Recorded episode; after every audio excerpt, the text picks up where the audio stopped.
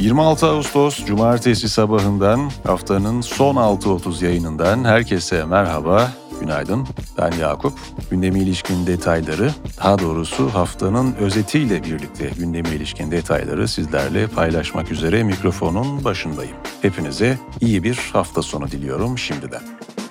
Bugünün bülteni Türkiye İş Bankası ile birlikte ulaşıyor.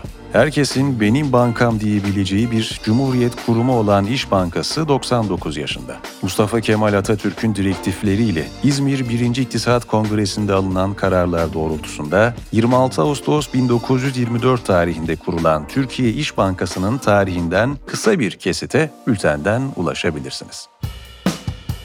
Haftayı geri sar. 10 maddede bu hafta.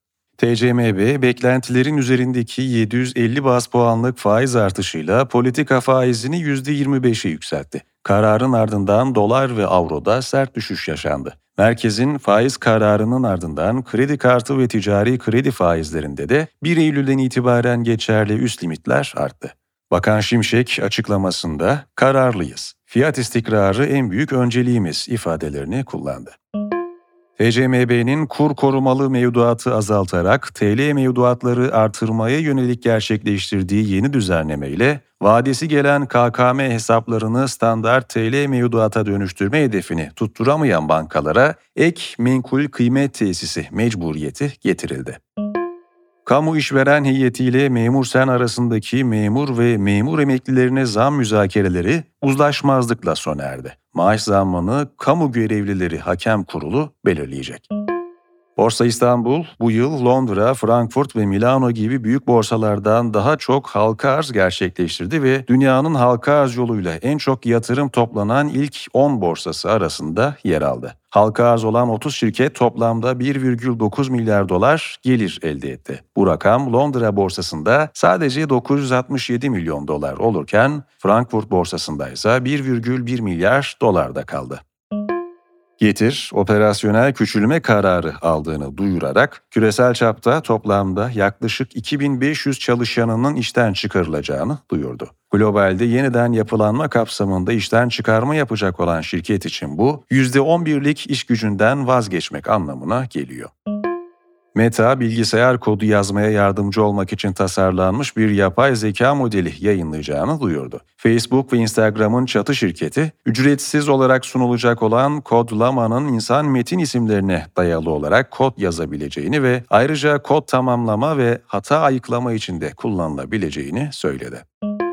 Çevre, Şehircilik ve İklim Değişikliği Bakanı Mehmet Özhaseki, İstanbul'da deprem bir BK meselesi. 6 milyon civarında konut var. 600 bini çok riskli. İlk etapta yıkılacak gibi görünüyor. 600 bini depreme dayanmaz dedi. Özhaseki, Marmara depremi için İstanbul'a özel bir birim kurulmasını istediklerini açıkladı.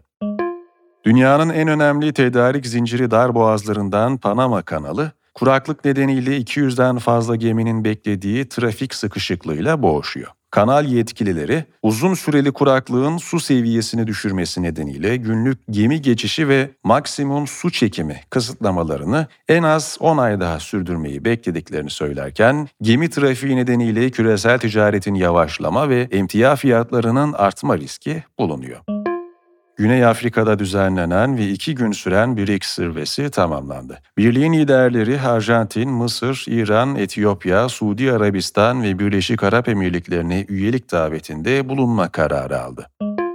Hindistan, Ay'a başarılı bir şekilde iniş gerçekleştiren dördüncü, Ay'ın güney kutbuna inen de ilk ülke oldu. Başbakan Modi, uzay aracının inişini bu unutulmaz, olağanüstü bir an. Bu yeni bir Hindistan'ın zafer çığlığıdır diyerek kutladı. Hindistan'ın yüzey gezgini ayın güney kutup bölgesinde su buzu arayacak.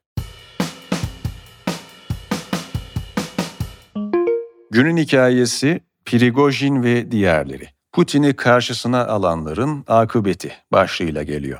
Wagner lideri Yevgeni Prigojin, Moskova yakınlarında düşen özel bir jetin yolcu listesindeydi. Prigojin'in kazada öldüğüne inanılıyor. Kaza bölgesinde 7'si yolcu ve 3'ü mürettebat olmak üzere 10 kişinin cansız bedenlerine ulaşıldı. Hayatını kaybedenlerden birinin de Wagner'in kurucularından Dimitri Utkin olduğu düşünülüyor. Yazının devamı bültende sizleri bekliyor. Göz atmayı unutmayınız. Rotalar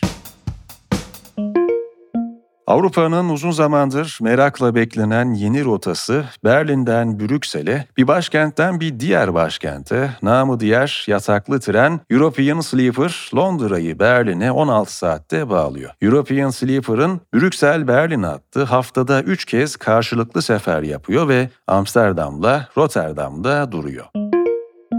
Irving Worm, İngiltere'deki ilk müze sergisiyle Yorkshire Heykel Parkı'nı hafif çarpık bir harikalar diyarına dönüştürüyor.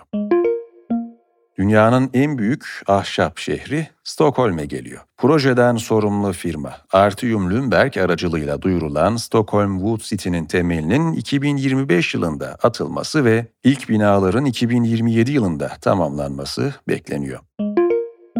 Paris merkezli tasarımcı Joseph Duran tarafından yaratılan uzay seyahati şirketi Zefalto'nun en yeni lüks uzay kapsülü ilk uçuşunu 2024 yılının sonlarında gerçekleştirecek. Gürcistan'daki ilk kentsel dikey tasarım projesi Space Farm'da yeşillikler ve yenilebilir çiçeklerin yanı sıra çilek ve minyatür sebzeler de yetiştiriliyor. 200 metrekarelik alana kurulu ve 7 katlı raflardan oluşan tesis, geleneksel tarıma kıyasla %75 daha az su kullanıyor, enerji tasarrufu sağlıyor ve otel için taze, organik ürünler yetiştiriyor. Tasarım ve mimari Seul Büyükşehir Belediyesi, 2. Seyong Gösteri Sanatları Merkezi Uluslararası Planlama ve Tasarım Yarışması'nın ilk aşamasının kazananlarını açıkladı. Kazananlar arasında Melike Altınışık Architects de yer aldı. Studio Ferris Architects yeni konut projesini tamamladı. Proje Belçika'nın Doğu Flandra bölgesinin merkezinde yer alan 19. yüzyılda inşa edilmiş tarihi bir kolej binasını da kapsıyor. Baksı Kültür Sanat Vakfı, Bayburtlu kadınların sosyal, kültürel ve ekonomik gücünü artırmayı amaçlayan mimari projesinde Tabanlıoğlu mimarlık imzası bulunan Baksı Hüsame Köylü Kadın Eğitim Merkezi'ni hayata geçiriyor. Gastronomi Tayland lezzetleri sunan Çok Çok Tayı, Az Çok Tayı ve Çok Çok Pera, Tayı Select'in 3 farklı kategorisinden birer ödül aldı. Tayı Select ödülü Tayland Kraliyet Hükümeti tarafından veriliyor. Çok Çok Tayı aynı zamanda Michelin Guide 2023'te yer alıyor. Ardbeg, antoloji ismini verdiği yeni koleksiyonunu duyurdu. Koleksiyonun ilk viskisi eski Bourbon ve tatlı şarap fıçılarından 13 yıl olgunlaştırarak hazırlandı. Tadım notlarında sızma zeytinyağı, tatlı bir yaş ağacı, kişniş ve ada çayı dahil olmak üzere aromatik bitkilerin ön planda olduğu ve belirgin derecede yağlı bir aromaya sahip olduğu belirtiliyor. Kayra şarapları dünyanın en prestijli şarap yarışmalarından Dekanter'den toplam 24 ödülle döndü. Başka neler oldu? Donald Trump, sabıka fotoğrafı olan ilk eski ABD başkanı oldu. Trump, seçim sonuçlarına müdahale suçlamasıyla Georgia eyaletinde hakkında açılan dava nedeniyle Atlanta'daki Fulton ilçe hapishanesine teslim oldu ve işlemlerin ardından kefaletle serbest bırakıldı. FIFA, Dünya Kupası şampiyonluk seremonisinde İspanya milli takım futbolcusu Heni Hermoso'yu dudaklarından öpen İspanya Futbol Federasyonu Başkanı Luis Rubiales hakkında disiplin soruşturması başlattı.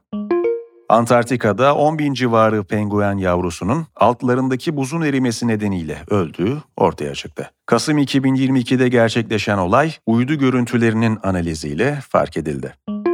Uluslararası Af Örgütü her kesimden insanın taleplerini duyurmak için bir araya geldiği Taksim'de barışçıl toplanmaların yasaklanmasına dikkat çekmek ve daha önce barışçıl şekilde gerçekleştirilen protestoları hatırlatmak amacıyla hazırladığı Taksim Özgürlük Turu web sitesini yayına aldı. Ali Sabancı ve eşi Vuslat Doğan Sabancı Yunanistan'da deniz kazası geçirdi. Pegasus Hava Yolları'nın da bağlı olduğu Esas Holding'in yönetim kurulu başkanı Ali Sabancı'nın kullandığı Zodiac botla kayalıklara çarpan çiftin ağır yaralandığı ve Sabancı'nın ambulans uçakla İstanbul'a getirildiği öğrenildi. Kayalıklara çarptıktan sonra Ali Sabancı'nın botta sıkıştığı, Uslat Doğan Sabancı'nın ise başını botun önündeki cam bölmeye çarptığı kaydedildi. İlk müdahalede aort damarı zedelenmesi gözlemlenen Ali Sabancı'nın Bodrum'da yapılan ilk ameliyatta dalağa alındı. Sabancı yoğun bakıma alınarak entübe edildi. Sağlık Bakanı Koca yaptığı açıklamada genel durumu iyi olan Uslat Doğan Sabancı'nın da İstanbul'a sevkinin planlandığını ifade etti. Bu haberle birlikte bana ayrılan sürenin ve 6.30 yayınlarında bir haftanın daha sonuna geldik. Ben Yakup. Bugünün bülteni Türkiye İş Bankası ile birlikte ulaştı. Haftaya kaldığımız yerden devam edeceğiz. Kendinize iyi bakın. Hoşçakalın.